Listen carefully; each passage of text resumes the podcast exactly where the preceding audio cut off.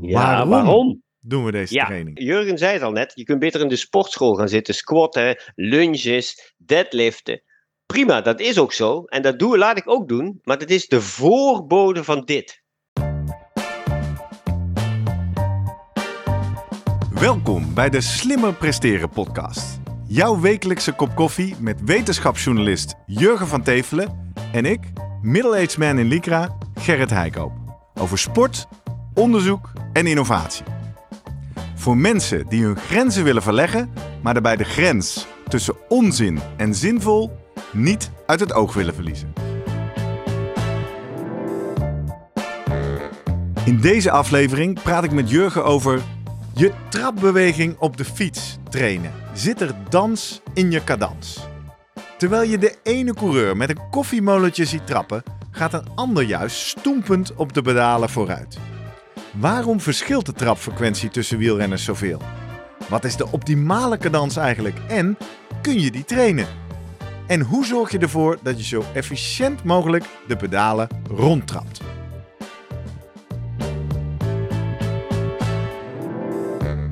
Voordat we beginnen, nog even drie dingen om aan te denken als jij zelf ook slimmer wil presteren. Nummer 1. Druk nu gelijk even op abonneren, zodat je altijd direct in de gaten hebt wanneer er een nieuwe aflevering online komt. Nummer 2. Weet dat je Jurgen en mij ook kunt boeken voor jouw volgende bijeenkomst als spreker of presentator. Neem gerust eens contact met ons op via de contactgegevens hieronder. En 3. Deze podcast wordt geproduceerd en gesponsord door Live Online Events. Serieus goede content rondom jouw congres of event. Check www.loe.tv voor meer info. Jurgen, Hey. goedemorgen. Goedemorgen Gerrit. En bijzonder vanochtend, Guido. Hey. Goedemorgen. Ja, goedemorgen. Guido. Fijn dat je er meteen bij zit. Het is, eh, ik zou willen zeggen, na al deze weken eindelijk weer eens een, een gewone Slimmer Presteren podcast aflevering. Eentje specifiek voor de wielrenners. Die zijn daar denk ik ook wel aan toe na al dat eh, hardloop- en marathongeweld. Maar ja, dan is hij toch weer meteen een beetje bijzonder. Want eh, Guido zit er vanaf het begin Ja. bij. Fijn Guido. Fijn dat je er Ja, dankjewel dat ik er ook weer eens vanaf het begin bij mag zijn. Precies, want we gaan het hebben over wielrennen en specifiek een onderdeel van wielrennen, namelijk wat doe je met je voeten en je benen. Eh, we gaan een hoop vragen beantwoorden. We gaan ontdekken wat de cadansparadox is. Eh, of er een optimale cadans bestaat. Zo ja, wat is dat dan? Kun je die beïnvloeden? Kun je die trainen? En dan natuurlijk vooral ook heel concreet met Guido ook. Nou, wat voor trainingen zijn dat dan? Het is hier al wel eens gegaan over de torque training. Wat is dat en hoe werkt dat en wanneer moet je dat doen? En als we er tijd voor hebben, want we zijn wel heel ambitieus, dan eh, gaan we het misschien ook nog wel hebben over ovale tandwielen en cranklengtes. In ieder geval alles wat te maken heeft met die pedalen in de ronde gooien. Ehm, Jurgen, wat is de aanleiding dat we het vandaag hebben over cadans? We hebben het eh, vragen gehad. Veel vragen. Best wel veel al, hè, Ja. de afgelopen Ja. tijd. Dus het moest er een keer van komen. En we hebben natuurlijk wel een keer eh, pasfrequentie, eh, stapfrequentie bij het hardlopen gehad. Wat ook een, een onderwerp is wat op, op internet het altijd goed doet. Is er een ideale frequentie? Nou, zoiets geldt eigenlijk denk ik ook voor cadans. In ieder geval als je internet Ja. moet geloven dat er zoiets zou moeten zijn. Dus Manuel van Wijk, die schreef ons, die zei, eh, de, ik lees van alles over zin en onzin van cadans. Je hoort altijd verhalen over 100 plus. Is dat echt nodig? En moet ik eigenlijk cadanstraining doen? Ivo Habits, vriend van de show, Mhm. reageert veel. Vraagt zich dat ook af. Hoe zit het met die cadans en hoe zinvol is dat? Ehm, hij begre- heeft begrepen dat er een verband is met spiervezels. Meer aerobe types hebben meer baat bij een hoge frequentie. Anaerobe types bij een lagere. Eh, is hier wetenschap achter? Is hier onderzoek over gedaan? En hij schrijft ook, wat is in vredesnaam torque training? Dus eh, Oh, ja, dat wil hij toch ook wel weten. en dat vooral, wordt lachen. moet hij daar als recreant wat mee? Is de vraag van Ja, Ivo. joh. En eh, die vraag Dat over de ovale... ervaren. nee joh, Guido. Nee joh. Jawel, dat moet je echt ervaren. Dat. Nou, precies. echt- Genoeg eh, debat in deze aflevering. En tot slot, Jacques Gilles schreef ons onder andere Ja. over de ovale tandwielen, cranklengtes en wat dat nog ja. doet. Ja. Ehm, waar beginnen we? Waar beginnen we? Ja. Definities altijd maar even. Ja, dat is het aantal eh, omwentelingen per minuut tijdens het fietsen. Ja, cadans hè, is, Ja. een, is, een, is een waarde die ook wel in fietscomputers voorbij Ja. komt. En eh, de- ja, goed, je ziet eh, Froome wordt altijd genoemd, die had een, een, een, een hoge cadans. Hè. Chris Froome, ja. Trapte licht, zeg maar. En dan eh, heb je de stoempers, de, Bauke, Mol, Bauke Mollema, noem maar op. Alleen, eh, ja, eh, nou, er is gelukkig best wel wat wetenschap naar gedaan. Ja, En of je er beter of sneller van gaat fietsen. Nou, eerst maar eens van, eh, wat is, ja, wa- wat, voor- wat want, trappen eh, mensen? Ja, precies. Guido, even snel bij jou, definitie. Cadans training, is dat een onderdeel van eh, jouw programma's? Nou, niet standaard. Maar soms heb je wel mensen die eigenlijk altijd met een lage cadans rijden. En ehm, die wil je ook soms wel eens wat meer motorisch eh, vaardigheden leren. Door sneller met de benen rond te kunnen draaien. Ehm, omdat dat ook weer zijn voordelen heeft. Op bepaal, in bepaalde situaties. Exact. Ehm, en andersom, als je met een hele hoge cadans en je moet soms eh, ook veel kracht leveren met een lagere cadans, moet je dat ook gewoon trainen. Ja. Hè, dan komt die torque. dus en- ik hoor al, het is niet, de een is niet beter of slechter dan het ander. Jij zet het in om mensen te leren variëren. Ja, ja, ja, er is absoluut, zeg maar, niet een, een, bepa- een optimale cadans die voor iedereen is. Nooit. Nou, nee, Vraag 1, vink. bestaat niet. Ja, en dat is, jij noemt het studies. al, er is veel variatie. Kijk je om je heen, ook Ja. binnen jouw eigen clubje. Hè, dan eh, wordt er altijd, je hebt, eh, ja, wordt er gedacht, ja, jezus, wat trap jij licht, zeggen ze altijd tegen mij. Ja, trap jij ja, licht? ik ben een lichte trapper en Ja. dan eh, de wat zwaardere types eh, vaak, die eh, hebben een lagere cadans inderdaad. Dan denk ik, jezus, hoe krijg je dat rond eigenlijk? Dat is toch En- niet lekker? Doe jij dat dan op gevoel of kijk je Ja. op je cadanswaarde op je nee, metertje? ik heb ooit zo'n cadans Gevoel, sensortje gehad, maar daar doe je niks mee. Nee, op gevoel. En dat is nou, dan komen we meteen bij de cadans paradox. Ja, wat is dat? Ja, nou ja, er is best wel wat onderzoek, veel Scandinavisch onderzoek eh, eh, zal voorbij komen. Al van in 1913 viel het, eh, 1913 viel het eh, onderzoekers op. Gingen ze kijken, meten bij de cadans van een groepen eh, proefpersonen. En eh, gingen ze daarbij ook de energieconsumptie meten, eh, zuurstofopname. En dan viel het ze op dat eigenlijk bij een submaximale inspanning, gewoon lekker lichtjes trappen, mensen dus niet eh, energetisch optimaal trappen. Oké, dat zijn moeilijke woorden. En dat is Even gek. Kijken of je begrijp. Dat is gek. Dus ze, ze, eh, het komt erop neer dat je eigenlijk 5% te veel of extra energie Ah, aan het verbruiken bent als aan jou gevraagd wordt, ga lekker een stukje fietsen met je eigen zelfgekozen cadans. En dat is natuurlijk ergens gek, want we hebben het in het verleden gehad bij, als je gaat wandelen of in ieder geval hardlopen, dan, eh, in ieder geval als jij eh, genoeg hebt eh, getraind daarin, het beginners- lichaam. Beginners doen het nog niet helemaal lekker, maar eenmaal hardlopers die echt wel wat kilometers achter kiezen hebben, die kiezen uiteindelijk, het lichaam kiest gewoon het energetische optimum. Exact. En in Alleen deze bij- studie werd gevonden... Op Deze studie, nee, al, allemaal studies zijn er inmiddels bevestigen dit, dat eigenlijk uit- bij een, dat moet ik wel zeggen, submaximale inspanning, gewoon eh, lekker eh, dus laag tempo fietsen, mensen ervoor kiezen om eigenlijk energetisch inefficiënt te gaan eh, trappen. En De- komt het dan omdat ze, ze te licht of te zwaar trappen? te, in principe zit ze te, te, te hoog in hun cadans. Ze te trappen hoog, te licht. dus ja. trappen te licht Ja. Bijvoorbeeld, nou, de- de- ik wil uitkijken met, met algemene stelregels, maar er is ergens gezegd dat je onder de, een optimale cadans onder de 200 watt zou rond de 70 moeten liggen. Dus 200 watt vermogen Ja. wat je levert, Ja. dat zou 70 omwentelingen per minuut moeten Precies. opleveren. De praktijk is dat mensen vaker richting de 80, 85, misschien 90. Dus ja, dat zijn waarden die ik ook vaak uit mijn trainingen zie, toch? Nou, even nog wat getallen van, eh, er is natuurlijk veel gemeten. Nou, hier vonden ze bij bijvoorbeeld bij eh, 180 watt in getrainde wielrenners, vonden ze een, een variatie tussen de 89 en 106. Ehm, en nogmaals, als 89, je dan... 106 omwentelingen. Ja, Dus omwentelingen, ja. Ja. RPM. Ehm, en maar dan is het niet zo, dan, als je dan mensen dan langere tijd vervolgt, dan blijft die persoon die gemiddeld 89 RPM trapte, die doet dat vier maanden lang later ook nog steeds, zeg maar. Oh ja. Dus er zijn Dus er lijkt wel een verschillen eigen tussen, frequentie ja, te zijn. verschillen tussen mensen, die zijn, die zijn er. En eh, alleen binnen een persoon blijft bij de submaximale inspanning, die blijft toch gewoon, ja, is het inderdaad iets wat ingesleten is, of noem maar op. Nou, de andere hebben ze bij Tour de France klim, eh, bij een klim gekeken, eerste categorie. Nou, dan zitten de deelnemers daar tussen 62 en 89 omdat je, nou ja, daar kom ik misschien nog op, bergop, Ja. ligt die cadans alweer een stukje lager. Ja. Dat is, Omdat je er gewoon langzamer is- ook gaat, denk ik. Nee, dan in principe, nou ja, daar kom ik zo op. Ja. Heeft, er zijn allemaal studies gedaan die kijken naar bij hetzelfde vermogen of dezelfde inspanning, percentage van VO2 max. Wat Ja. gebeurt er als jij bergop gaat? Ja. Dan ga jij inderdaad al lager zit je in En in meer kracht leveren. Er zijn wat factoren. Ja, dan kies je dus daarmee om hetzelfde vermogen te halen, moet je wel meer kracht leveren. De- die torque moet dan omhoog. Hè. Daar denk ik nog wel op. Maar dat is dus heel interessant, want dan vragen mensen zich af, waarom ja, is het iets evolutionairs dat bij het hardlopen, want dat doen we natuurlijk al, Ook al weet heel ik lang. het hoe lang, hè? Ja, ja. op die steppen al en eh, achter onze, om, om ons eten te verzamelen. Toen hadden we nog geen fiets.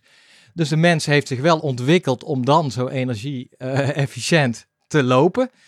Fietsen is dat dus nog niet of niet. Of, En ehm, dat is wat de cadansparadox ja. is. Dat je dus ziet dat op een of andere manier bij fietsen mensen minder efficiënt eh en het scheelt rondtrappen. 5%. Nou ja, wat is dan 5%? Kun je Nou, afvragen. Marginal gains. En- En, het is suboptimaal. En het andere is, waar komt dit vandaan? En dan is het idee, maar dit is niet aangetoond, dat er een soort pacemaker in je ruggenmerk zou kunnen zitten. In de cent- Central Pattern Generator. Ja, Ja, waar je die precies moet gaan zitten, weet niet. Maar, eh, en die dus eigenlijk eh, dat, die frequentie aanstuurt, automatisch, een soort automatische frequentie. En eh, dat is dan, vind ik, ook wel weer leuk. Want als je dan, hebben ze proeven gedaan waarbij ze mensen dan bewust op de fiets, tuurlijk, die stond vast, met hun armen een hoger tempo lieten inzetten. dan de benen. Ja, dan volgden de benen niet. Nee. Maar als je de benen een hoger tempo liet inzetten, volgden de armen wel. Om daarmee aan te geven, ja, het is echt specifiek. In het onderlijf. Ja, de aansturing. Dus daar zit een soort, nou ja, wat ik al zei, een soort pacemaker of een metronoom of noem maar op. Die jouw benen Die jouw stuurt. ritme, alleen dat ritme is dan eigenlijk het niet, eh, energetisch gezien, het niet meest optimale. Nou, Ik ga even naar Guido, want ik hoor jou bij twee, op twee momenten gniffelen en, eh, en bewegen. Eén toen ik zei, ik herken dat wel. Ik zit ook meestal rond de 85, 90. Zijn dat, eh, als je, je hebt veel atleten, je kijkt in veel datafiles. Wat, wat valt jou op aan de, over cadans en trapfrequentie? Ja, wat ik al zei, dat, zit, dat verschilt heel erg, maar dat zie je ook wel aan het type atleet. Oké, Ehm, daar heb je het inderdaad over het, eh, nou ja, de, de aerobe capaciteit en de anaerobe capaciteit. Iemand die eigenlijk eh, alleen maar aeroop heel sterk is en nauwelijks een beetje, nou ja, anaeroop vermogen heeft. Ja. Eh, type Jurgen. Ik moet nu toch weer even voor de mensen. Ja. Tuurlijk zijn we 138 afleveringen onderweg. Het kan zijn dat dit je eerste aflevering is. Ik denk aeroop, anaeroop. Oftewel duur vermogen, hè? lang uithoudingsvermogen, aeroop vermogen, anaeroop. Ja. Meer sprintvermogen. Ja, kracht. Ja, precies. Weer Gewoon wat meer kracht erin. Ja. Ehm, maar als je ehm, dat aerobe type, zijn vooral type 1 vezels. Hm. En die kunnen heel lang doorgaan, maar ze kunnen niet heel veel kracht leveren. Ja, spiervezels heb je het nu over, over waar je spieren ja. uit bestaan. En dat was dus Dat- die vraag van Ivo. Ja. Heeft het met spiervezels? Ja, en die Ja. link, Zeker. die correlatie is in ieder geval ook gelegd inderdaad. Van, eh, ja, heb jij meer rode spiervezels langzamer, Ja. dan wordt het gekoppeld aan een hogere cadans. Dus zeker, Ja. daar, daar zit iets in. Ja. En Guido, kun Ja, je ja, van ja. jezelf weten wat voor spiervezels je hebt? Of moet je dan een biopt genomen hebben ooit? Nou, ehm hoeft geen biop per se te nemen, maar als je een vermogenmeter hebt, en, je, en ik heb natuurlijk al wel wat data van korte inspanningen, 30 seconden, 60 seconden, 90, 2 minuten, dat soort dingen. Ja. En die anaerobe waardes, waar je echt heel hard moet gaan, zijn heel hoog. Dan kan ik je wel zeggen dat jij eh, best wel veel type 2 Ja, daar Eh, kun je het uit X. afleiden. Ja. Ja. En als jij zeg maar een curve hebt die in, in, in, bij de korte inspanningen niet zo hoog komt. En dan langzaam steeds een beetje verder afneemt, maar niet heel stijl afneemt.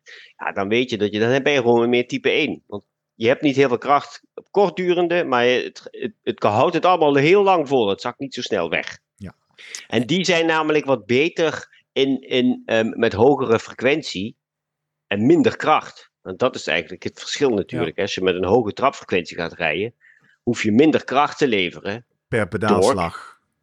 En dan, om dat vermogen te leveren. Je kunt hetzelfde vermogen, als je 200 watt trapt, met 60 omwentelingen of met 100 omwentelingen, dan hoef je bij die 100 omwentelingen minder kracht te leveren om tot die 200 watt te komen. Bij 60 moet je dus meer kracht leveren om tot die 200 watt. Want Per het is een rondje product. bedoel je dan, hè? Per Ja. rondje. Ja. Maar Ja. dan zou, eh, dat vind ik wel interessant, want het zou betekenen dat de juiste iets aan meer anaerobe eh, wielrenner, eh, dus de sprinter, de krachtige die zou dus energetisch eh, optimaler fietsen, want die heeft een lagere cadans dan dus degene die... maar Ah, uit het oogpunt van die uh, ik zeggen, zegt die cadansparadox, als algemene wet dat lagere cadans efficiënter is? Dat, Begrijp ik je eh, nou goed? Ja, dat je eigenlijk een beetje een offset hebt, inderdaad. Van, eh, ten opzichte van je optimum, wat vaak rond de 70 ligt. 75 bij dus nogmaals lagere vermogens. Ja, dat is ja. belangrijk. Ja. En, en, eh, en, en dat is ook. eh, ja, dus het En, gaat. en het moet is ik eigenlijk. daar als amateursporter hier op de bank die hongerig is naar tips... Ik moet bekennen, we hebben deze aflevering voorbereid, dus ik heb dit gisteren Ja. al een keer gedaan. Ja. Moet ik de conclusie trekken dat ik eigenlijk wel iets zwa- een tandje zwaarder mag trappen dan ik eigenlijk zou willen? Nou, daar, daar moeten we denk ik naartoe. Is het een voordeel om, eh, eh, ja, om, om daarop te trainen? Ik, Nou, vertellen, ja. ik heb dat gisteren gedaan. En mogen Ja. jullie zo met z'n tweeën, Guido, Ja. jij vanuit jou van, jij vanuit wetenschap vertellen of het zo is. Ik heb het gisteren gedaan. Wat ik kan terugrapporteren is, het voelt opeens wel voor mij in ieder geval iets meer als sport. Ja, Want je bent gewoon letterlijk harder aan het duwen. ja. Ook iets harder aan het hijgen. maar ook heb iets harder jij het hetzelfde vermogen daarbij aangehouden? Ja. Dat Nee, daar heb ik niet naar gekeken. Nee. Ik ben gewoon Ja, wat harder gaan fietsen. Want dat is het. Ja. Het is natuurlijk, je hebt denk ik bij trappen te maken met eh, je mechanische belasting van je spieren en je cardiovasculaire en respiratoire, dus je hart-long gebeuren. Ja, En die, die lijken dan in ieder geval bij een, een, eh, submaximaal fietsen bij een, een hoge cadans niet helemaal gematcht. Alsof je eh, uit veiligheid een beetje kiest van om jouw benen wat te sparen. En dan, eh, ja, dan gaat het maar te kosten dat jouw hart en longen iets harder moeten werken. Maar nogmaals, 5% is ook niet echt heel schrikbarend.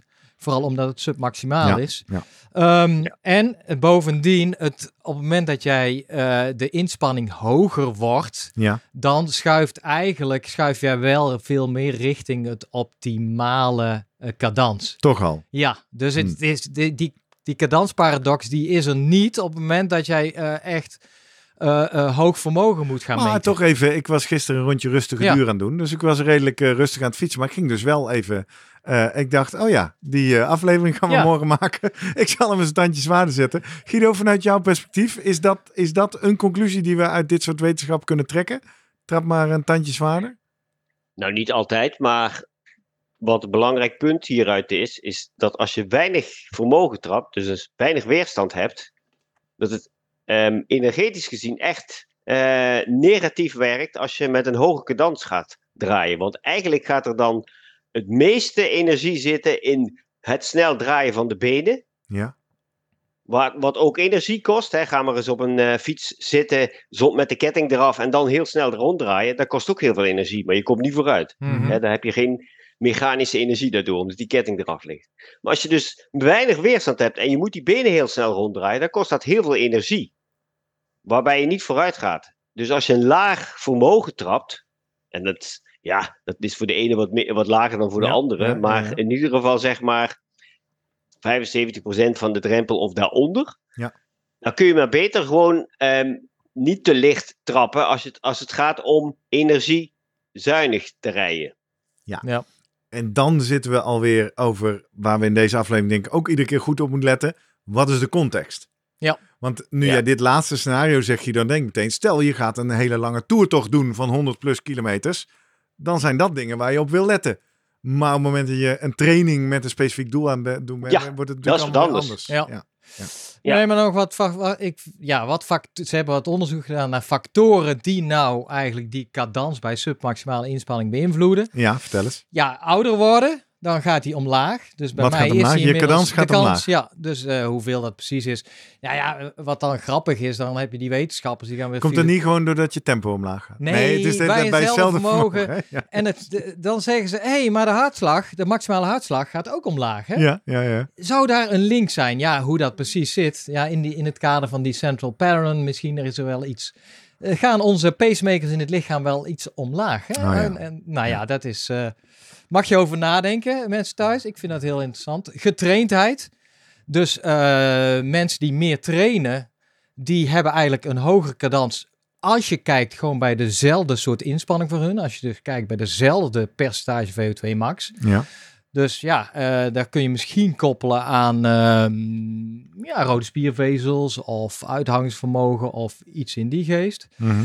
Het eh, ja, getrapte vermogen zelf. Als jij eh, meer vermogen gaat trappen, dan zul je zien, eh, dat kan je op twee manieren doen. Door of een hogere cadans en in combinatie waarschijnlijk, dus hoger verzet hoort daar vaak dan ook bij. Ja. In co- combinatie meer met een, een, een- hogere torque. Dus ja, dat zie je dan ook. Dus je moet goed kijken van, ik, ik had het over submaximaal, maar als jij studies gaat vergelijken van mensen die bij ja, 150, 180 moeten trappen of bij 300, 360 en dat is een Wat studie, heb je nu over? wat. En dat is een studie bij, bij ehm, profs gedaan. Al best wel een oude van die Spaanse onderzoekers. eh, en, en die lieten duidelijk zien, ja, ze lieten eh, een stel profs op eh 60, 80, 100, 120 eh eh, omwinter per minuut trappen. Vermogen van volgens mij 360 watt is vrij hoog. Nou, en dan gingen ze gewoon eens meten wat zuurstofopname, lactaat, eh, hartslag, Ja, wat, wat gebeurt er in dat lichaam? Ja, en dat was voor hun was duidelijk dat de 100 voor hun optimaal was. Maar ze moesten daar 100 ook 360 trappen. Kijk, en 360 watt. Ja. wat? Ja. En daarbij was dus een, eh, een cadans van 100, Ja. wat relatief hoog is, was goed voor deze profs. En is hetzelfde wat je natuurlijk ziet bij het hardlopen, waar we altijd wordt gezegd, ja, je moet 180 eh pasfrequentie, 180 stappen per minuut. Ja, hangt ook nog van je snelheid af. Hè? Dus Ja, bij een lage snelheid is die lager. Dus die relatie he- heb je ook te maken met, eh, als je kijkt naar cadans, bij laag of hoog vermogen. Dus die context moet je altijd meenemen. Nou, de, de helling op, nou, dat vertelde ik net. Daar wordt consistent bij eenzelfde vermogen wat je treft of dezelfde trainingsintensiteit een lagere cadans gevonden. Ehm, drafting, als jij achter iemand of in een groep fietst, dan heb je van nature ook een hogere cadans bij, dezel- bij hetzelfde vermogen waar je trapt. Duur van de inspanning, dat is wel interessant, want die gaat omlaag in de loop van de tijd, uren. Dat Als jij echt drie, vier uur in de fiets. eh, Oh, en- als je, langer op de fiets zit, gaat je cadans omlaag, Ja, hebben ze daar gevonden. En daarbij ga je echt niet maximaal. En we moeten ook niet vergeten dat ook in de koers, hè, profielrenners, die zitten gewoon, nou, ik denk 30, 40 procent van de tijd in zone 1 en 2 hè, van de 5. In het peloton. Dus, ja. ja. Ja. Dus die, eh, dat, dat is er ook gaan. Dus vermoeidheid heeft ook zijn invloed. Eh, nou, die percentage rode spiervezels hebben we het over gehad. Dus ja, de, even het context schetsen dat mensen nu niet bij zichzelf denken... hé, hey, maar ik trap eh, hier toch 90. Eh, ja, daar, heeft, daar, daar spelen allerlei factoren een rol. Plus daarbij is, als jij gewoon hard, harder gaat fietsen... dan gaat jouw cadans dus omhoog, meer vermogen. Ja. En daarmee kom je wel steeds meer in de buurt en uiteindelijk ook op het energetische optimum te liggen. Dus het energetisch optimum ligt ook niet altijd bij die 70 eh Nee, per minuut, maar bij een hoog vermogen al richting de 100, 110. Baanwielrenners die trappen vaak 110, misschien 120, iets in die geest. Echt die sprinters. Ja. Ja. Dus je noemt dit Dan heb hele je ook een maximale cadanstest. Hè? Die doen dat wel eens op de losse rollen. Aha, vertel, want ik wil inderdaad eens naar wat trainingsvormen toe. Wat- Ja, ja, als je, op de, als, je, nou ja, als je dat kunt. Ik heb, daar, ik heb hier ook van die losse rollen staan. Hè? Dus drie, twee rollen achter, eentje voor, waar je dan met je fiets gewoon eh, op gaat rijden en gewoon balanceert. En hoe harder je trapt, hoe harder die rollen gaan natuurlijk. Maar daar kun je ook gewoon maximaal trapfrequentie gaan bepalen. En als je, een, ehm, als, als je daarop gaat rijden en je probeert steeds harder, harder, harder te rijden. Ja, er zijn, er zijn mensen, hè, echt hele goede, die eh, heel snel hun benen kunnen laten bewegen. Die komen gewoon boven de 200 RPM uit. En, Dus dat zijn echt. en Guido, echt super snel. waar is dat goed voor? Ja, sprint. Kijk, ehm, bij wielrennen is het soms ook wel eens belangrijk dat je, als je harder gaat, niet altijd moet schakelen, maar gewoon snel kunt reageren. En dan kun je natuurlijk, net als een automaat, dan moet je gewoon sneller trappen. In plaats van steeds schakelen en een beetje bij en dan zwaarder en dan Je weer moet een beetje bij. letterlijk in de hoge toeren kunnen trekken. Ja, je moet hem eerst in de hoge toeren kunnen trekken. En dan pas, als je het moment, dan kun je dan schakelen bij. Als je denkt, nou weet je, nu, nu kan we. En dan ga je hem weer doortrekken in de hoge toeren. Ja. En dat is natuurlijk ook een, een, een ding wat in wielrennen veel meer speelt dan bijvoorbeeld in triathlon. Hè? Dat is gewoon één tempo. En daar heb je natuurlijk meer iets van, ja, wat is nou in dit tempo mijn beste verzet? Met, met dit vermogen. ehm, eh, nou ja, ik wil een beetje 90 omwenteling, omwentelingen trappen. Ja, dan heb je daar een bepaalde keuze in. Welk verzet je gaat rijden. Hè? 50, 14 of noem het maar op. Maar je zegt een wielrenner heeft dus baat, want dan komen we al een beetje naar praktische Ja. adviezen. Om af en toe eens even zo'n maximale RPM. Want ik- jij zegt op de Ja. rollers, maar dat kan ook wel eens op een leeg wegvak, toch? Nou ja, ja, dan moet je een beetje bergaf hebben. Hè? En eh, zitten, blijven, zitten blijven op dat zadel. En dan zo snel mogelijk kunnen we draaien met je benen. Ja. Ja. En dat is best lastig. En hoe lang doe je dat dan? Nou ja, 30 dat is gewoon een. zo. Ja, hoe, op een gegeven moment kun je niet meer, hè? Nee, precies. Dan Ja. stopt Je gaat heel snel, heel snel, heel snel. En dan haal je ergens een piekwaarde. Ja, en die kun je achteraf waarschijnlijk dan wel lezen. Of je hebt hem eh, in je schermpje vastgezet. Dan kan het ook. Leuk. Maar dat is, weet je, daar kun je wel eens. Ik zal wel eens wat eh, ehm, waardes nog straks even erbij voegen. Ja. Kun je zien ehm, nou ja, hoe hoog je dat kan. Hoe snel jij je benen maximaal kunt bewegen. Ja. Ehm, Zie je daar ook wel want- verbeteringen optreden? Als je dit regelmatig zou oefenen, dan wordt dat dus ook beter. ja, ja, dat is wel een coördinatief proces. Hè? Dus dat kun je ook leren. En dan heb je dus daar baat bij, los van eh, beter leren bewegen. Hebben we al veel genoeg Ja. afleveringen al gemaakt. is sowieso handig. Je zegt voor mensen die echt wielrennen en en in koers zitten, is het Ja. handig om te anticiperen op koerssituaties. Maar het is Ja. sowieso handig om snel dynamisch in een, in een wielerpeloton of op de wielrenfiets te kunnen bewegen. Dat is aan de Ja, bovenkant. hebben- Jurgen, heb, zij- heb je ook onderzoeken gehad die keken naar ehm, hogere cadansrijden en lactaatverbruik? Zeg maar het, het, de combustion of lactaat, hè? het Ja. weer omzetten van lactaat. Dat je het juist eh, be- beter inzet. Ehm, Nou ja, weet je waar ik het bij bedoel is eigenlijk als ik ben, als er hoog zware intervallen zijn, die, die, die, die, eh, die doe je meestal zeg maar met wat lagere cadans. En dan heb je twee minuten pauze, Ja. drie minuten pauze. En dan moet je eigenlijk juist soepel draaien eh, met een hogere frequentie. Want dat zou je lactaat gewoon sneller kunnen laten dalen. Die studies, nee, die ken ik niet, want ze kijken met name eigenlijk, ze zien toch, eh, ze, ze prikken wel lactaat, maar dat is meer om te kijken van ehm, wat er gebeurt als je mensen wekenlang op een eh ja, cadanstraining hebben gezet. En daar bedoel ik eigenlijk mee intervallen trainen op een hoge cadans of Ja. juist een lage en dan na zes weken weer een fietstest doen om te kijken van oké, ja, is, wat, wat zijn de verbeteringen? En dan wordt bijvoorbeeld naar lactaatdrempels gekeken of naar de VO2 max of maximaal vermogen, maar niet eigenlijk specifiek van wat de afwisseling is, wat jij zegt, van een stukje eh laag cadans, hoge torque. En Ja, dan wat er in de tussentijd, of dat op die manier... eh, nee, Nou, Ja, als wil- je dus zeg maar wat, wat, wat, laag, wat la, hoge cadans rijdt, ehm, dan gebruik je natuurlijk weer die Ja. type 1 spiervezels voornamelijk. Ja. Die kunnen dat lactaat weer gebruiken. Ja. Ja. precies. Dus ik wil zo even horen wat ze in die studie vonden Ja. over dat cadansprogramma. Maar hier is weer een praktische tip. Daar ben ik aan let op. Ik ben aan het Mhm. meeschrijven. Dus jij zegt Guido, voor iedereen eh, die daar zich niet bewust is. Als je een harde interval hebt gedaan en je hebt lactaat geproduceerd. Zorg dan ook dat je in je rust lekker hoog het koffiemolentje aangooit. Want dan trap je dat lactaat als brandstof weer snel weg. Ja, ja, ja, ja, weet je, dan probeer dat maar eens. Eh, in plaats, ja, soms eh, is, het, is het te zwaar en dan kun je bijna al niet meer trappen. Maar de meesten zullen wel intervallen doen en dan nog wel rustig door kunnen trappen. Ja. En ehm, wissel dan maar eens die cadans af. Dat je dan echt gewoon boven de 100 omwentelingen aanhoudt. En dan gewoon een laag, eh, een laag vermogen trapt. Ik doe altijd wel in mijn, als ik weer mijn fietsintervalletje krijg op de Amerongse berg. Dan moet je natuurlijk dalen. Dan kun je Ja. je beentje stilhouden. Maar dan doe ik ook altijd wel meepeddelen. ja. Meepeddelen, Dat heeft ja. geen zin. Maar dan maar bewegen dus de benen echt, in ieder geval. echt lekker hoog mee peddelen. Nee, ja, maar gewoon ook Ja. om die benen in ieder geval maar Ja. te laten bewegen. Ja, want vind je het zeg maar, wat vind je het prettiger om je benen, eh, dat heb je vast wel eens gedaan, gewoon helemaal niks te doen en laten afdalen en dan omdraaien en weer beginnen? Of een beetje doordraaien met die benen, omdraaien en weer beginnen? Doordraaien, maar dat in? komt omdat ik 138 afleveringen Slim Presteren podcast heb gemaakt. Dus ik Ah, weet, ik weet ja. dat ik daar mijn afvalstof of mijn lactaat aan het Ah. verbranden ben.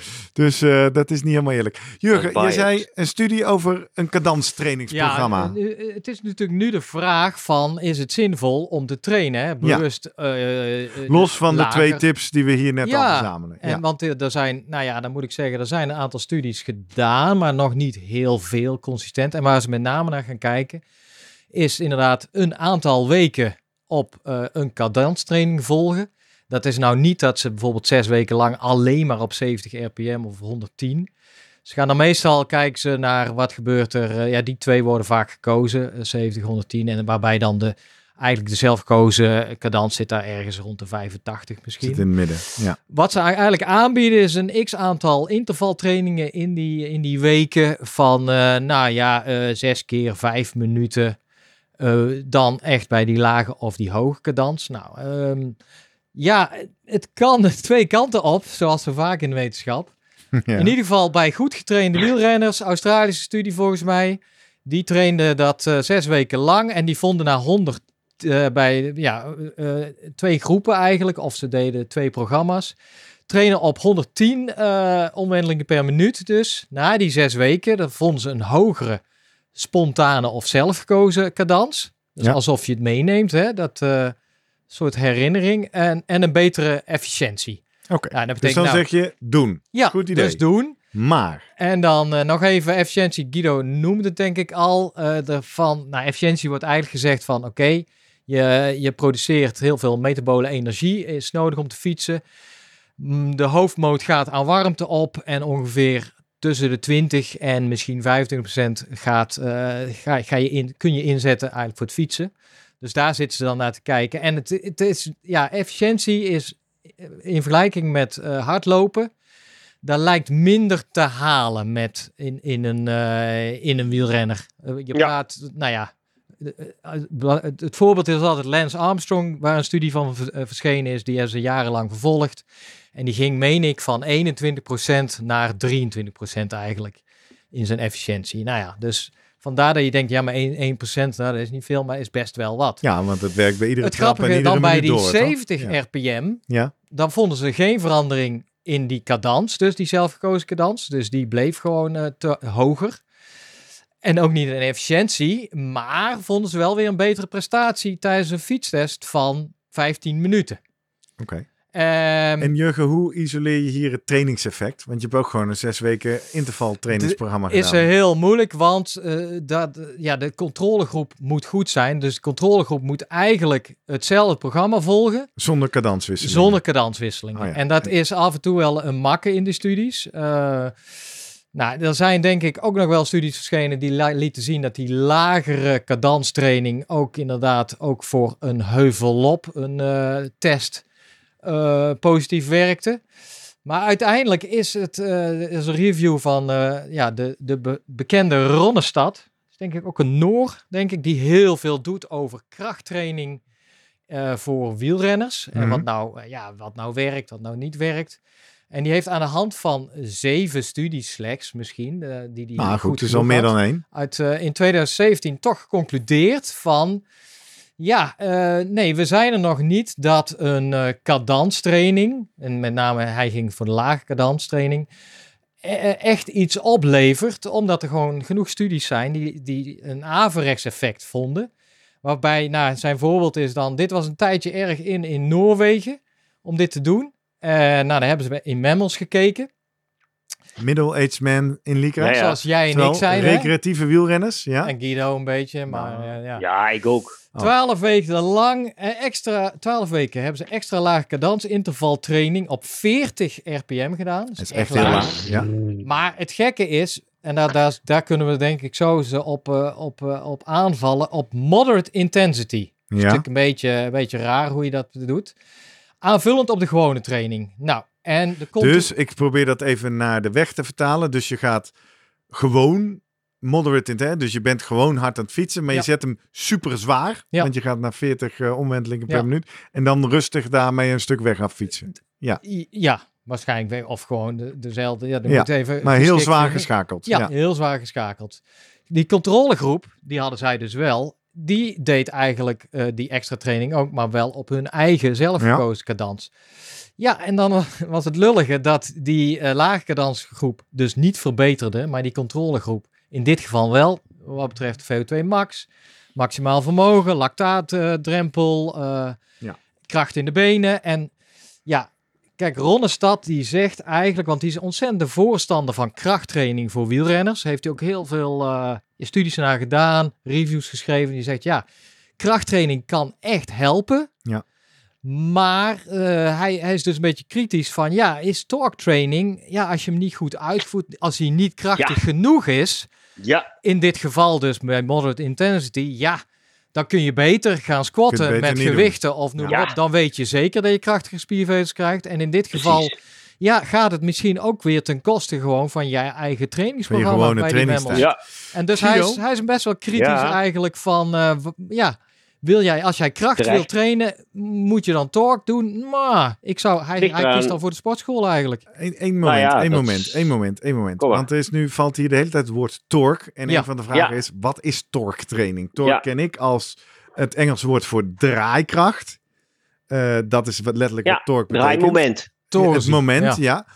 Maar wat is dan torque training? En dan komen we bij die lage RPM's en een reactie op deze studie. Ja, ja, ja, dat klopt. Weet je, torque training is eigenlijk dus training die, die je eigenlijk dus richt op de, op de geleverde torque. Dus hoeveel draaimoment eigenlijk op die crank wordt geleverd. Plat gezegd, zwaar trappen, toch?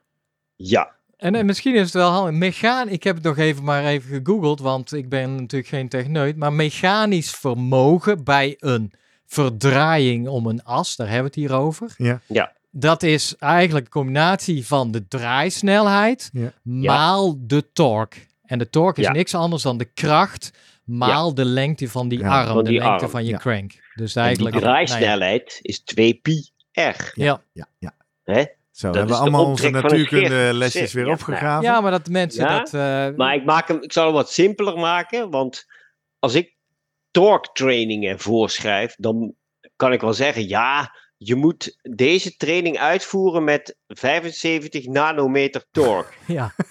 nou, Hè? Want dat willen we. en dan denkt Gerrit, ehm, Wat? ja, hoe dan? Ja. Eh, eh, Toch? Guido, het is wel een newtonmeter, hè? Ja, ja, ja. Ja, ja, eh, sorry, ik zei nanometer, Ja, newtonmeter, heel goed. Newtonmeter, ja. En ehm, nou ja, dat, als je het dan zeg maar wat, wat meer voorschrijft, dan kan ik zeg maar berekenen hoeveel Newtonmeter hij moet leveren in een bepaald vermogen. En dan leg ik de RPM vast. Wel in een, laag, ehm, eh, een lage RPM, dus ik zet hem op 60. Ja. Dan heb ik namelijk per minuut de cadans is, is ook eh, eh, 60 seconden. Dus die vermogen krijg je altijd per seconde. Ben ik die eigenlijk al kwijt met minuten en seconden, die berekening. Wat ik dan doe, is eigenlijk gewoon met die 2 pi rekenen. En als je een hoge torque wil produceren, moet je eigenlijk een beetje richting de 1 newtonmeter per kilogram lichaamsgewicht. Onthoud 1 newtonmeter per kilogram lichaamsgewicht. Dus als je 80 kilogram bent, Ja. moet je dus 80 newtonmeter leveren. Ja. Wil je dat met 60 rpm doen, Ja. dan moet je die 80 vermenigvuldigen met die omtrek, dus die 2 pi. Dus Ja. 6,28 keer 80 is dus zeg maar, nou, is meer dan 500 watt. En dat zou dan de opdracht worden. Ga eens Dus de 500 opdracht watt. voor jou is, nou, Ja. dan zal ik een beetje voorzichtig beginnen. Doe dat eens 5 keer 60 seconden op 60 rpm 500 watt trappen. Ja. Met, en dan tussendoor mag je weer omdraaien, onder en naar de Je moet het op een heuvel doen. Dat die helpt, een beetje? Ja, ja. beetje eh, nou, tussen de, weet ik veel, 3, 4, 5, 6, 7 procent zit. Niet heel stijl, maar het loopt wel een beetje.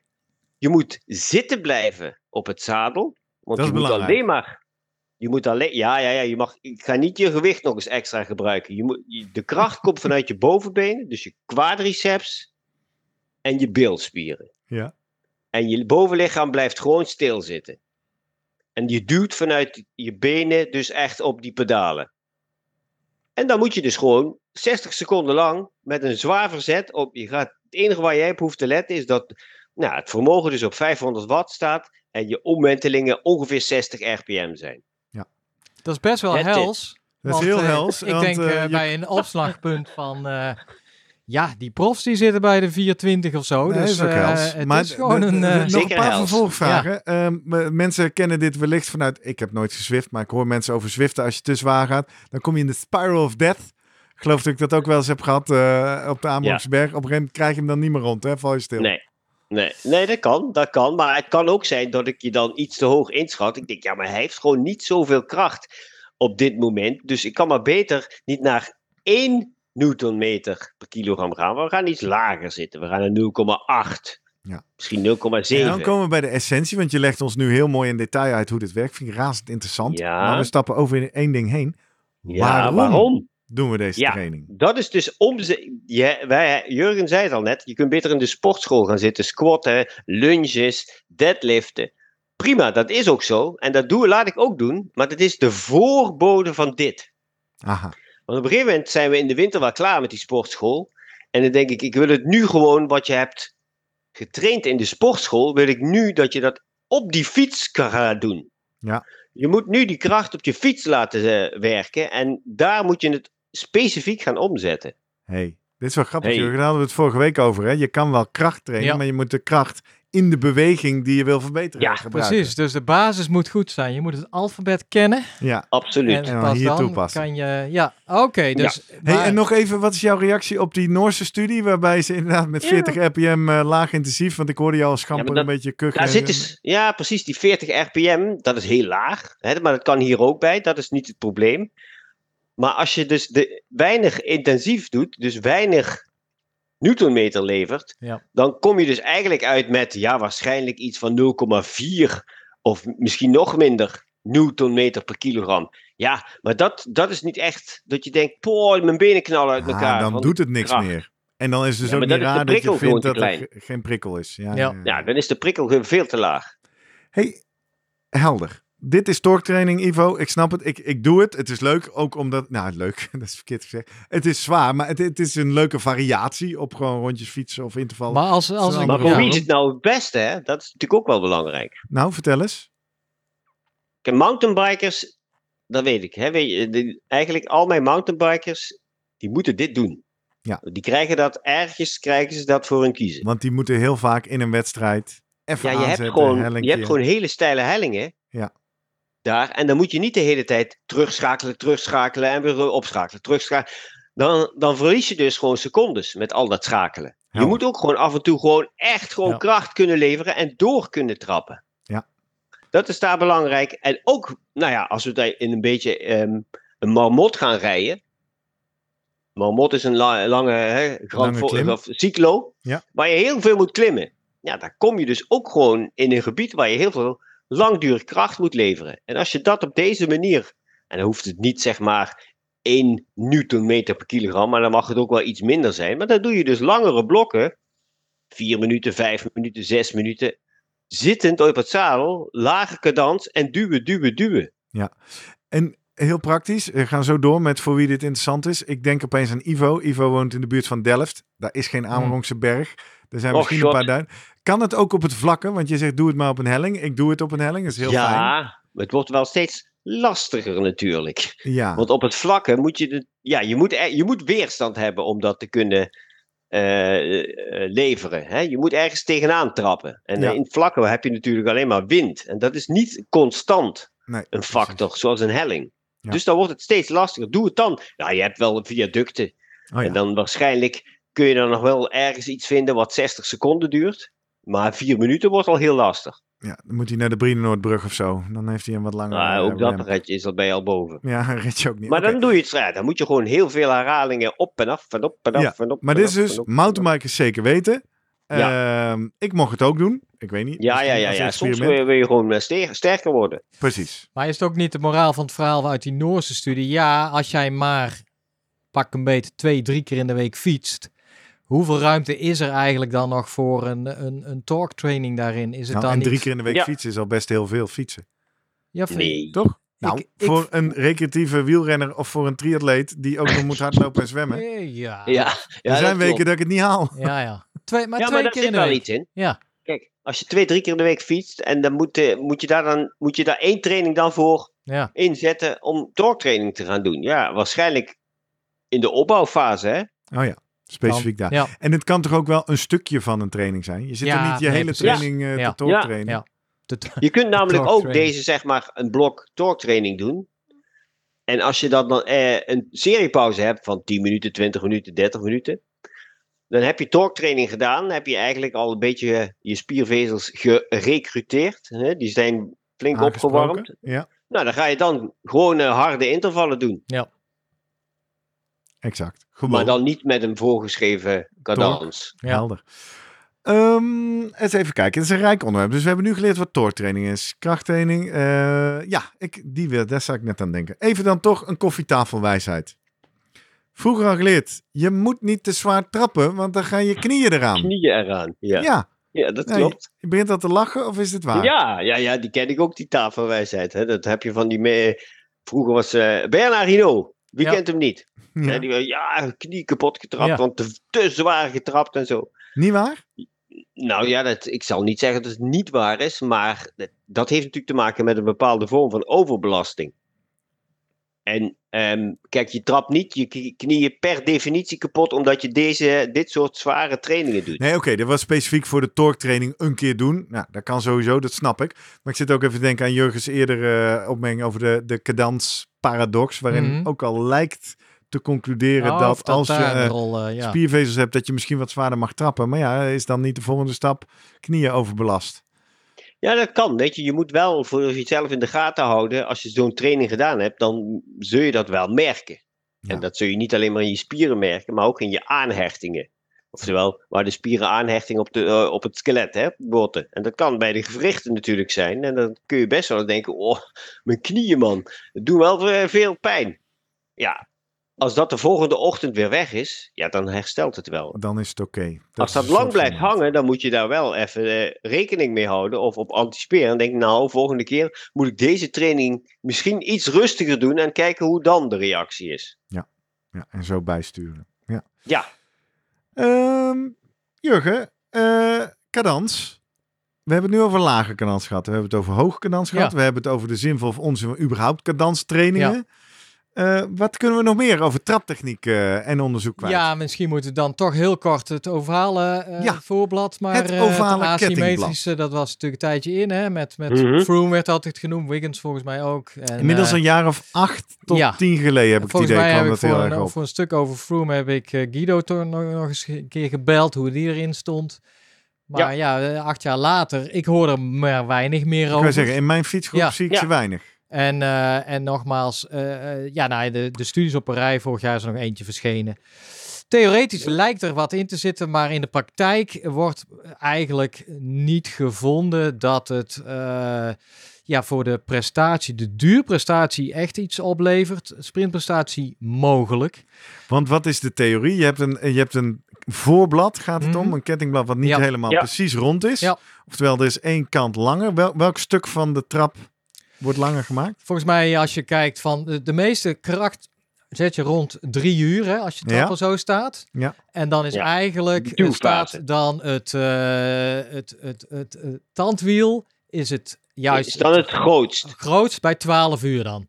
Ja. Ja. Ja, kijk, als je, En want het als je, kleinst bij drie uur. Ja, Guido? wat, wat, de, wat de gedachte achter een ovaal tandwiel is, is dat als je, waar je de meeste kracht hebt, dus dat is in de duwfase, dus dan sta je eigenlijk, je pedaal staat min of meer zeg maar horizontaal en daar kun je heel hard omlaag duwen, daar is je kracht het grootst. Ja. Daar kun je het grootste verzet draaien. Dus als je dat ovaal maakt, dan is daar zeg maar de vertanding juist het grootst. Ja. Hè, dus dan heb je eigenlijk een 53. Ja. Ja. Maar doordat het dan ovaal wordt, dan zit het in de dode punten. Als de pedaal helemaal naar beneden en de andere kant staat dan naar boven.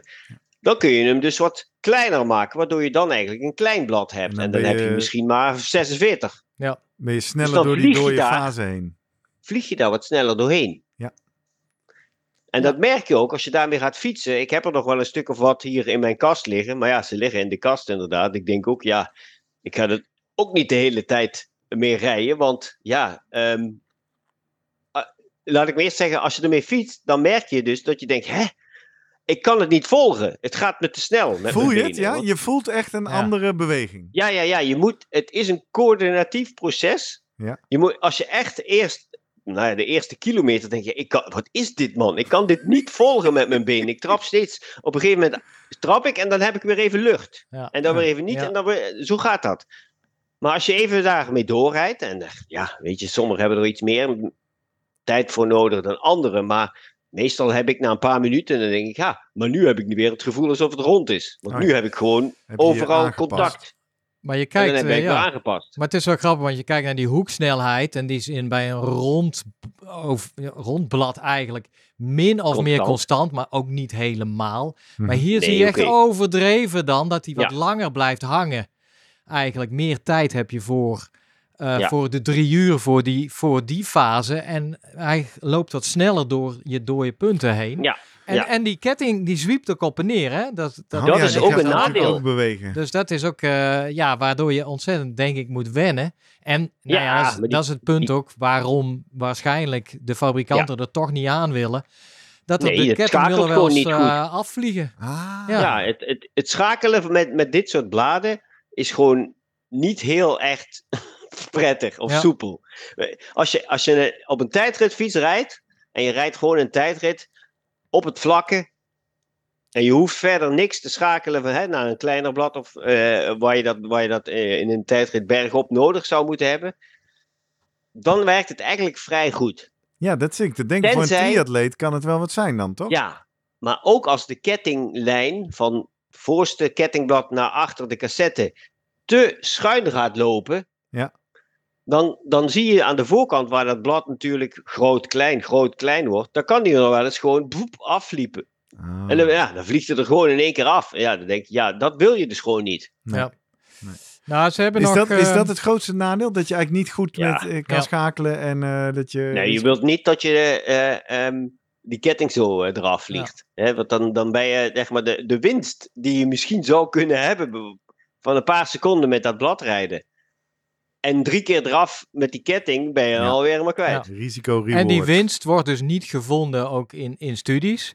En er wordt misschien de suggestie, ik weet niet of jij, hoe jij daar tegenaan kijkt Guido, van ja, misschien is het nu wel, omdat jij langer in de duwfase zit, Ja. dat de spieren die jij daarvoor gebruikt, toch sneller vermoeid raken ten opzichte Ah. van... Zou, zou dat nog een rol kunnen spelen? Ja, die studies zijn volgens mij ook niet gedaan. Of, eh, Ja, ik weet het niet. Ehm, ik denk het niet. Eh, op zich denk ik dat die spieren die in de duurfase werken, nou, daar echt wel goed op getraind zijn Ja. om daar gewoon om dat langdurig be- arbeid te verrichten. Ja. Ehm, de, ja, het, het is gewoon ehm, een een proces wat je heel nou ja, langdurig ook moet blijven trainen, omdat het ja, heel coördinatief is. Ja. Misschien is dat ook wel dat in die, die studies die gedaan zijn, mensen te weinig tijd hebben gehad om überhaupt eraan te wennen.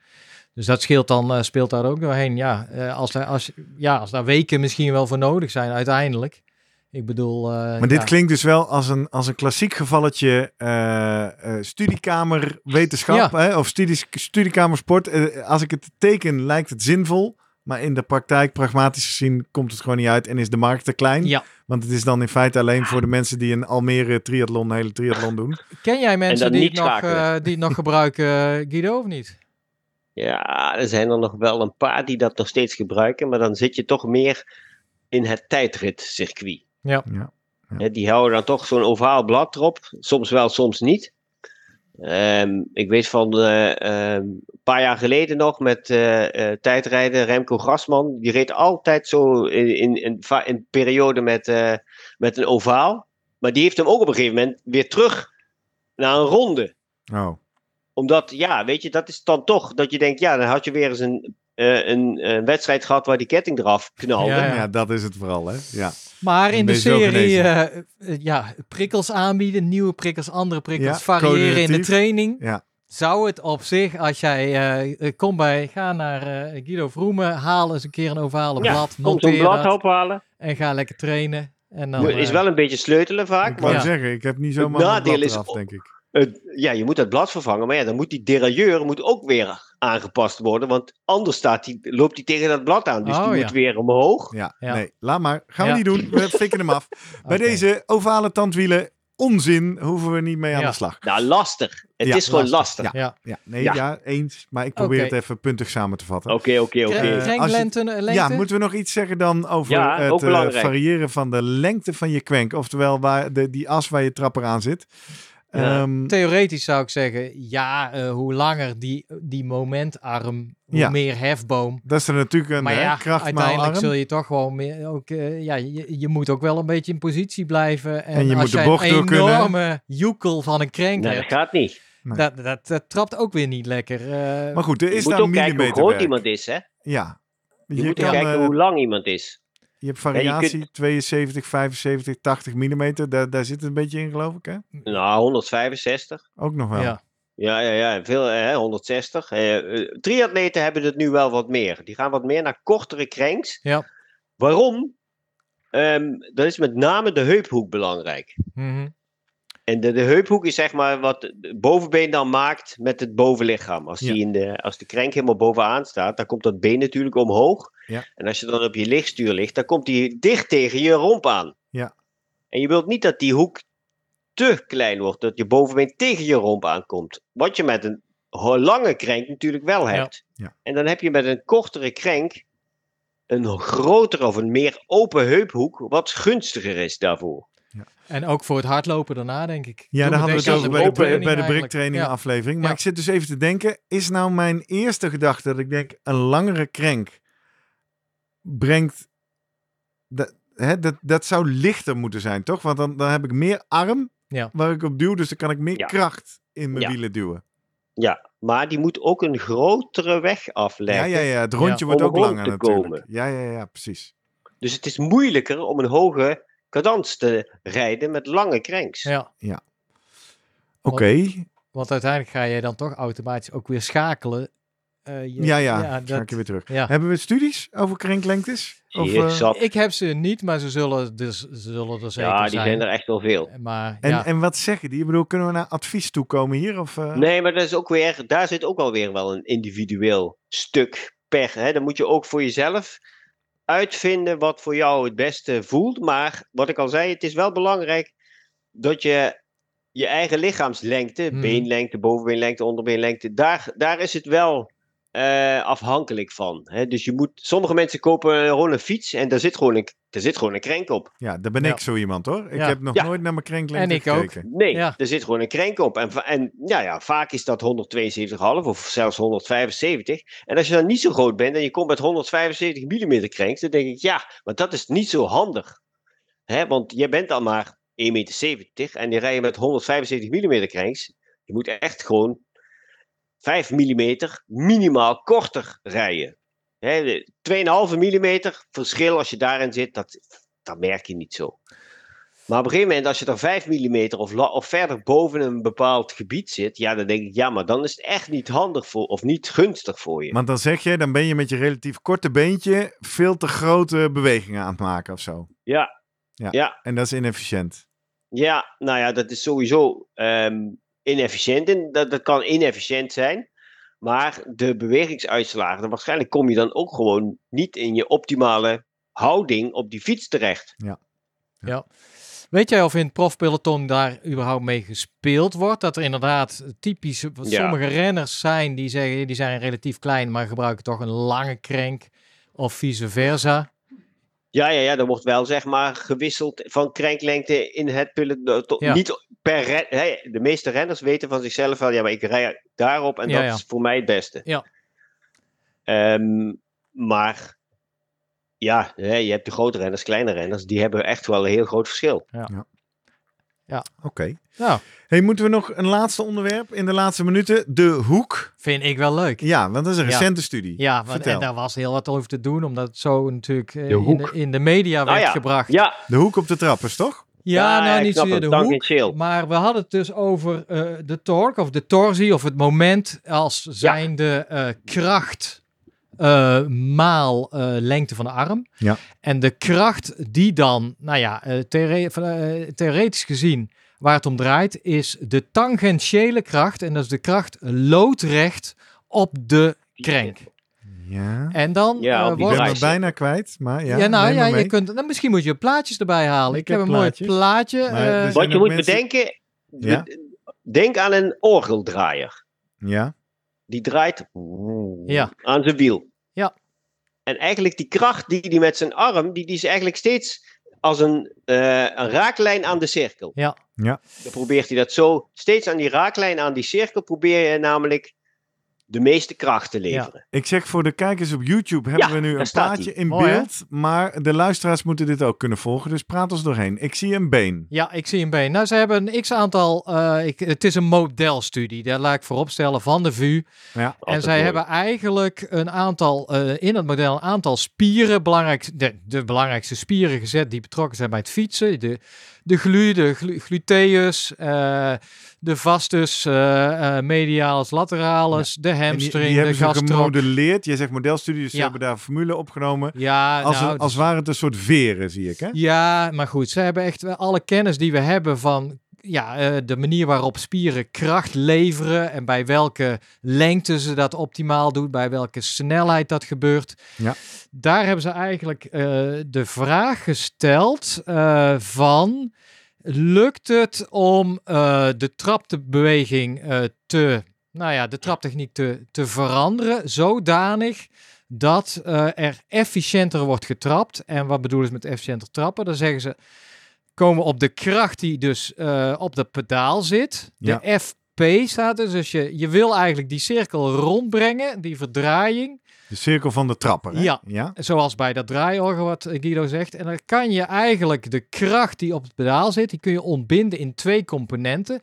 Eentje loodrecht op je pedaal of op, op, eh, op je crank, sorry, Ja, die bedoel ja, ik. ja, ja, Dat is de radiële kracht, F rad. Ja. Zie je die? Ja. En je hebt de F. eh, oh nee, sorry, dat is de F Ja, tangentiële. even. ja. Tangentiële. En de radiële is evenwijdig aan, Aan de eh, krenk. Aan de De krenk. Ja. Dus En, en dan zeggen ze eigenlijk om te fietsen heb je niks aan je radiële kracht, radiale kracht. Nee. Want Nee. dat is de ineffectieve kracht. En de tangentiële kracht, die moet je zo groot mogelijk hebben. Of in ieder geval eh, om ja, zoveel Ja. moment te creëren. En dan hebben Ja. ze in het rechterplaatje even laten zien... hoe zien die krachten eruit tijdens een, eh, een trapcyclus. Ja. Nou, dan zie je, je begint bij, bij nul. Ehm, dat, dan, dan staat jouw, denk ik, jouw ding gewoon... Je trapper bedoel je? Je trapper eh, even op, op, ne op 9 uur. Ja. Ja. Nee, of op 12 Nou, uur. deze denk ik. staat iets hoger. Ja, op 12 uur. Ja. Nou, en dan ga je trappen. Dan ga je krankangel op eh, rond de 100 graden, dus rond 3 uur. Nou, dan gaat jouw tangentiële kracht inderdaad naar een optimum. Ja. En die komt naar 180 als jouw trapper omlaag is, weer naar richting de nul. Nou, die tangentiële kracht. Ja. die wil je zo hoog mogelijk hebben. Die radiële kracht, dat is de inef- inef- ineffectieve, ineffectieve kracht. Daar hebben we niks aan. En dan zeggen zij, je hebt wel eens coaches trainen, zeggen, ga eens trainen of ga er eens op letten dat je die radiële kracht kunt, zo klein mogelijk kunt maken. En daar gaat deze studie om. Zij hebben gekeken hoe ze het model dusdanig kunnen aanpassen dat de radiële kracht, radiale kracht klein wordt, kleiner, nul misschien. En Ja. wat voor gevolgen heeft dat uiteindelijk voor het vermogen wat getrapt wordt? Ja, Guido, en even toch, hè, jij bent een trainer-coach. Als jij tegen mij zegt, ga eens trappen dat je radiële kracht zo Ja. klein mogelijk Ja, wordt. eh, wat moet ik dan doen? Eigenlijk, hè, wat, je, wat, je, wat de bedoeling is dat je rond trapt. Ah, En rond trappen is eigenlijk dat je probeert een mooie cirkel te maken in de hele pedaalcyclus. dus dat je overal kracht zet. Ja, eigenlijk wel. Maar ehm, je hebt altijd de dode punten, hè? dus onder en boven, 12 uur, 6 uur. Ja. En, en wat je dan moet doen is eigenlijk, ja, je wilt niet dat je, als je de pedaal onder hebt staan, dat je dan kracht zet recht naar beneden. Want dan Ah, probeer je eigenlijk de krenk, ja, dan ja, probeer je de krenk langer te maken. Ja. Dat lukt je niet. En als je boven recht, als je hem boven zet en je trapt recht naar beneden, dan probeer je die krenk in te drukken. Dat lukt Ja. ook niet, heeft geen zin. Terwijl dus beneden moet je naar eigenlijk- voren en naar beneden of en naar achter trekken, toch? Beneden moet je inderdaad zeggen, nou weet je, er zit wat modder onder, jou, onder de tenen van je schoen. Die moet je eigenlijk afvegen aan de grond. Ja, Dus die beweging maken. Ja. En boven zit je eigenlijk op een, op een rol. Daar rol je overheen, naar boven, naar voren toe. Ja. Dus dat zijn de minuscule bewegingen. Maar ehm, misschien zijn er onder luistera- luisteraars wel mensen die ehm, eh, een vermogenmeter hebben, eventueel, met eh, ehm, de torque effectiveness en de smoothness. Ja. En dit zijn eigenlijk waardes die hier ook op betrekking hebben. Want het gaat eigenlijk met name om dat je je spieren gebruikt op het moment dat ze het sterkst zijn. Mhm. En in de duwfase, dus dat is eigenlijk als je het weer als een klok ziet, dus het begint eigenlijk ruwweg vanaf 1 uur tot ongeveer 5 uur. Ja. Kun je met je ene been heel hard duwen. Dan hoeft die Mhm. andere kant niet heel hard te trekken op dat moment. Nee. Want dat gaat je toch niet lukken. Dus je kunt maar beter focussen op de ene kant van 1 tot 5 uur heel hard duwen. Ja. En dan proberen geleidelijk daar mooi soepeltjes doorheen te trekken onderaan. en rollen. En daarna komt die andere. Hey, en nou is mijn vraag even. Dit is wat dit model beschrijft. Dit hebben we net een plaatje geprobeerd in tekst te vangen. Wat heeft die studie gevonden? Nou, laat maar, het- het- ze hebben hele mooie filmpjes gemaakt. En dat Ja, vond ik wel... Kijk ook eh, naar de tijd. En ja. mensen luisteren hiernaar, die zien die filmpjes niet. Maar we gaan eh, ze heel even snel draaien. Een animatie. Ja, eigenlijk zeggen zij dus als je Dit is 100 unconstrained. Dit is eigenlijk de manier waarop we nu, nu trappen. En nogmaals, het is een model. en dan zie je je een grote pijl naar beneden. Ja, het gaat hier... Ah, Ja. da- dat is waar het hier om gaat. Ja, en nu, nu maken ze hem even kleiner. Nee, dit is de slow-mo nog. En dan kun je zien hoeveel kracht eigenlijk op het pedaal. Nou, dat neemt af En nu tre- trekt hij een beetje. Ja. Trekt hij, zie je de pijl, de resultanten, Ja, en dan gaat hij bovenin. En nu gaat hij Ja. duwen. En Dan je gaat hij ziet, heel hard eh, omlaag. precies het aantal, de kracht die de spieren uitoefenen. En je ziet, kijk eens naar de AMPO, het gemiddelde eh, vermogen wat geleverd wordt. Dit is wel bij maximaal vermogen eigenlijk. wil het 1100 creëren. watt zie ik. 1100 watt. En maar wat zij zeggen, de index of efficiency is hier slechts 0,66. Dat betekent dat je, nou ja, niet helemaal efficiënt trapt, omdat dus, dat is eigenlijk de ratio, dus de, de tangentiële kracht gedeeld door de pedaalkracht. Oké. Dan is er nog Ja. een filmpje. Nou, En dan hebben ze hier, de index of effectiveness is 1.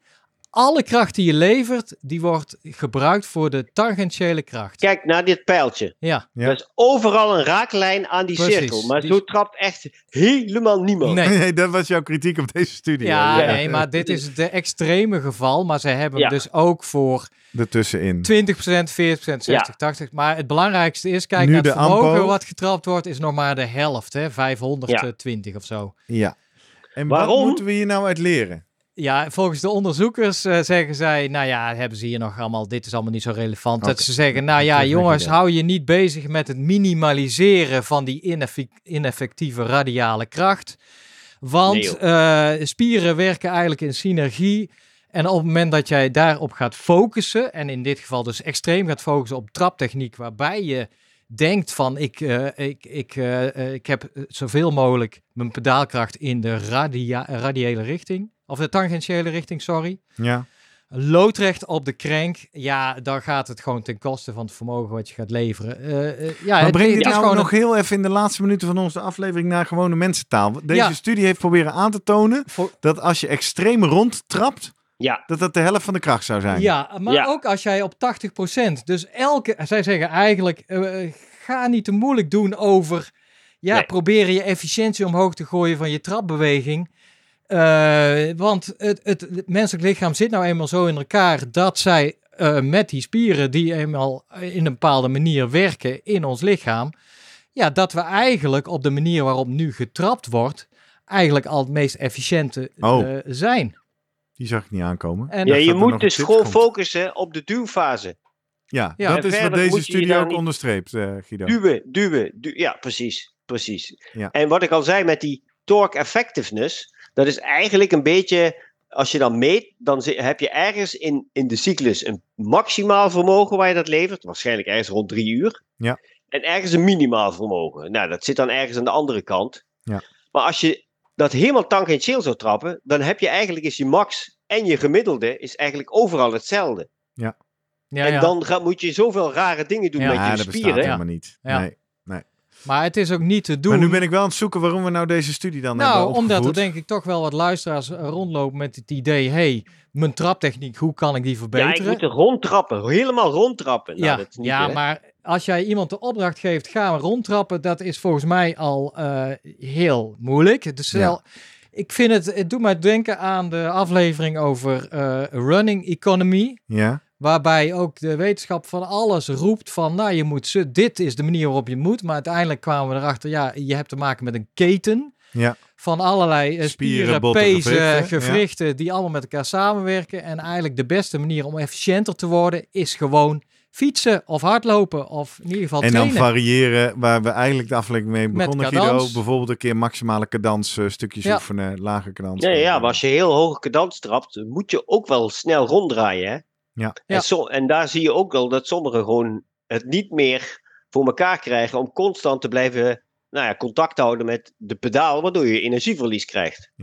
Ik moet opeens aan een praktische tip denken van eh, Wim Boonstra, een van onze Ja. fietstrainers bij de URTT. Die liet ons ook wel eens blokjes vijf minuten, zei diezelfde snelheid houden, twee versnellingen lichter schakelen. Oh ja. Ja. En dan ook gewoon om, Ja. en, en hij zei ook puur vanuit souplesse. Ja. Ja. Gaat helemaal Ja. niet om, maar om te leren dat die benen soepeler gaan draaien, die Ja. gewichten meedoen. Ja. Dus variatie is altijd Variatie goed. is de key. prikkels, andere prikkels. Antwoord op de Zeker. vraag, is er een optimale cadans? Nee. Nee, Nee. hangt van de Eh, context af. Context, training, En van- doel. En als je maar in ieder geval varieert. Ja. En niet altijd 90 en niet altijd... eh, dat is de belangrijkste advies, hè? Toch Guido?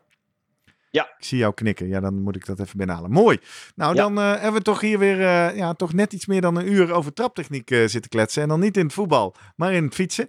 Ehm, mocht je nou meer willen doorpraten over fietsen of over hardlopen... Kom dan op 11 mei, dat is volgende week al, naar Doetinchem, naar het Jee. Parijs is nog ver. Ja, Doetinchem is voor sommige mensen ook ver. maar voor andere mensen weer heel dichtbij. Want die wonen daar in die regionen. Daar zijn we op een leuke avond in het Wielencafé. Interactief, eh, vragen, weetjes, quiz, prijzen. Jij kan erbij zijn. Eh, dus eh, ga naar het Wielencafé in Doetinchem. Meld je aan op de website. Volg ons op de socials. Vind je de link ook wel en dan komen we langs. Ja, stamgast is Jelle Nijdam daar. Hè? Ja, Dus, dat eh, is zijn fietscafé. Ja, Ja, leuk. Dus daar komen we langs. Als je nou zegt, nou, ik ben blij dat ik nu eindelijk geleerd heb dat ik geen ovale tandblad hoef te kopen. eh, dat ik eindelijk weet hoe ik met torquetraining nog krachtiger op de fiets ga zitten. Dan wil je misschien wel je dankbaarheid tonen door eh, vriend van de show te worden.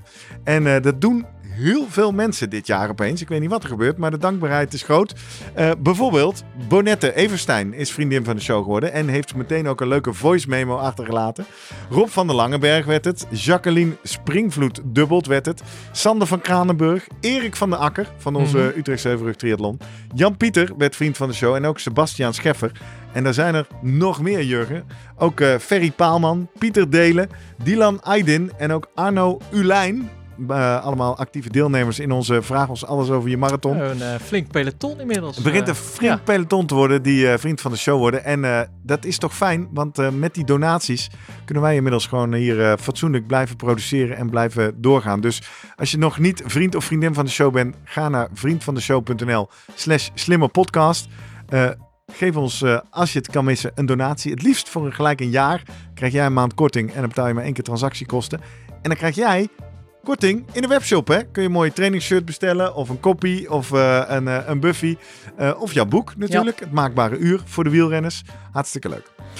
Verder horen we graag jouw vragen, opmerkingen, net zoals Ivo en Manuel deden. Via bijvoorbeeld social media, @slimmerpodcast op LinkedIn en Instagram en Twitter zijn we. Iedere aflevering heeft daar zijn eigen post. Die kan je delen of hartjes geven of je kan ons DM'en. Maar ga ons in ieder geval daar even volgen. Dan weet je altijd als er weer zoiets leuks komt, als bijvoorbeeld het Wielencafé volgende week. Of ga naar onze website www.slimmerpodcast.nl. Daar vind je van iedere aflevering een eigen pagina. Die link kan je pakken, kan je kopiëren, kan je rond, rond WhatsAppen naar al je wielenvrienden en zeggen: Zie je nou wel, je hoeft niet per se 90 RPM te trappen. Of stuur ons een mail via post.slimmerpodcast.nl met al jouw vragen, opmerkingen, aanvullingen, twijfels, tegenwerpingen en alles wat je maar wil. Mooi, dan zijn we rondgetrapt, of niet Guido? Denk het wel, hè? Lekker man. Dankjewel voor al je kennis en eh, praktische inzichten weer. Dankjewel Guido. Jurgen, dank voor eh, de geweldige studies die je verzameld hebt. Allemaal Mooi, te hè? vinden in de show notes. Ja. En blijf vooral nog even luisteren, want we hebben nog een tip om slimmer te presteren op je werk. Guido, tot volgende week. Zeker. Nee, tot over twee weken. Want volgende week hebben we gast, Gerben Bakker. Ook Ja. wel een hele interessante gast over motivatie. Tot over twee weken, Guido. Yo. Jurgen, tot Ja, volgende week. Tot volgende week. Hoi.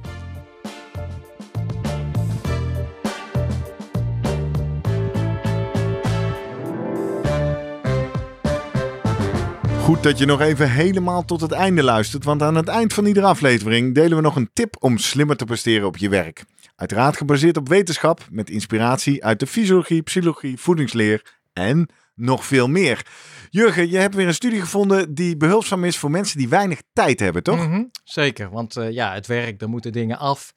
Maar ja, je wil eigenlijk toch wel iets aan, jou, eh, aan, aan je hardloopprestatie verbeteren. Nou, wat je dan kunt doen, ga hoppen. Hoppen? Wat Ja. is dat? Hoppen, gewoon op twee benen. Ja, je kunt natuurlijk huppelen, maar je kan op twee benen. Zoals de Maasai doet bijvoorbeeld. Oh ja. En dan weet je, omhoog, omlaag en jezelf opvangen. Ja. Die eh, Duitse studie, die is eh, recent verschenen, die laat niet namelijk zien dat wanneer een groep recreatieve hardlopers elke dag slechts vijf minuten lang, en dan kun je ook nog pauzes tussendoor nemen, ging hoppen, dat zij daardoor economischer gingen lopen. Nou, dat klinkt als eh, laaghangend fruit. Ja. Kom op, we gaan staan en we hoppen er vandoor. Nou, ik ga beginnen. Doe je mee? Ja. Hop.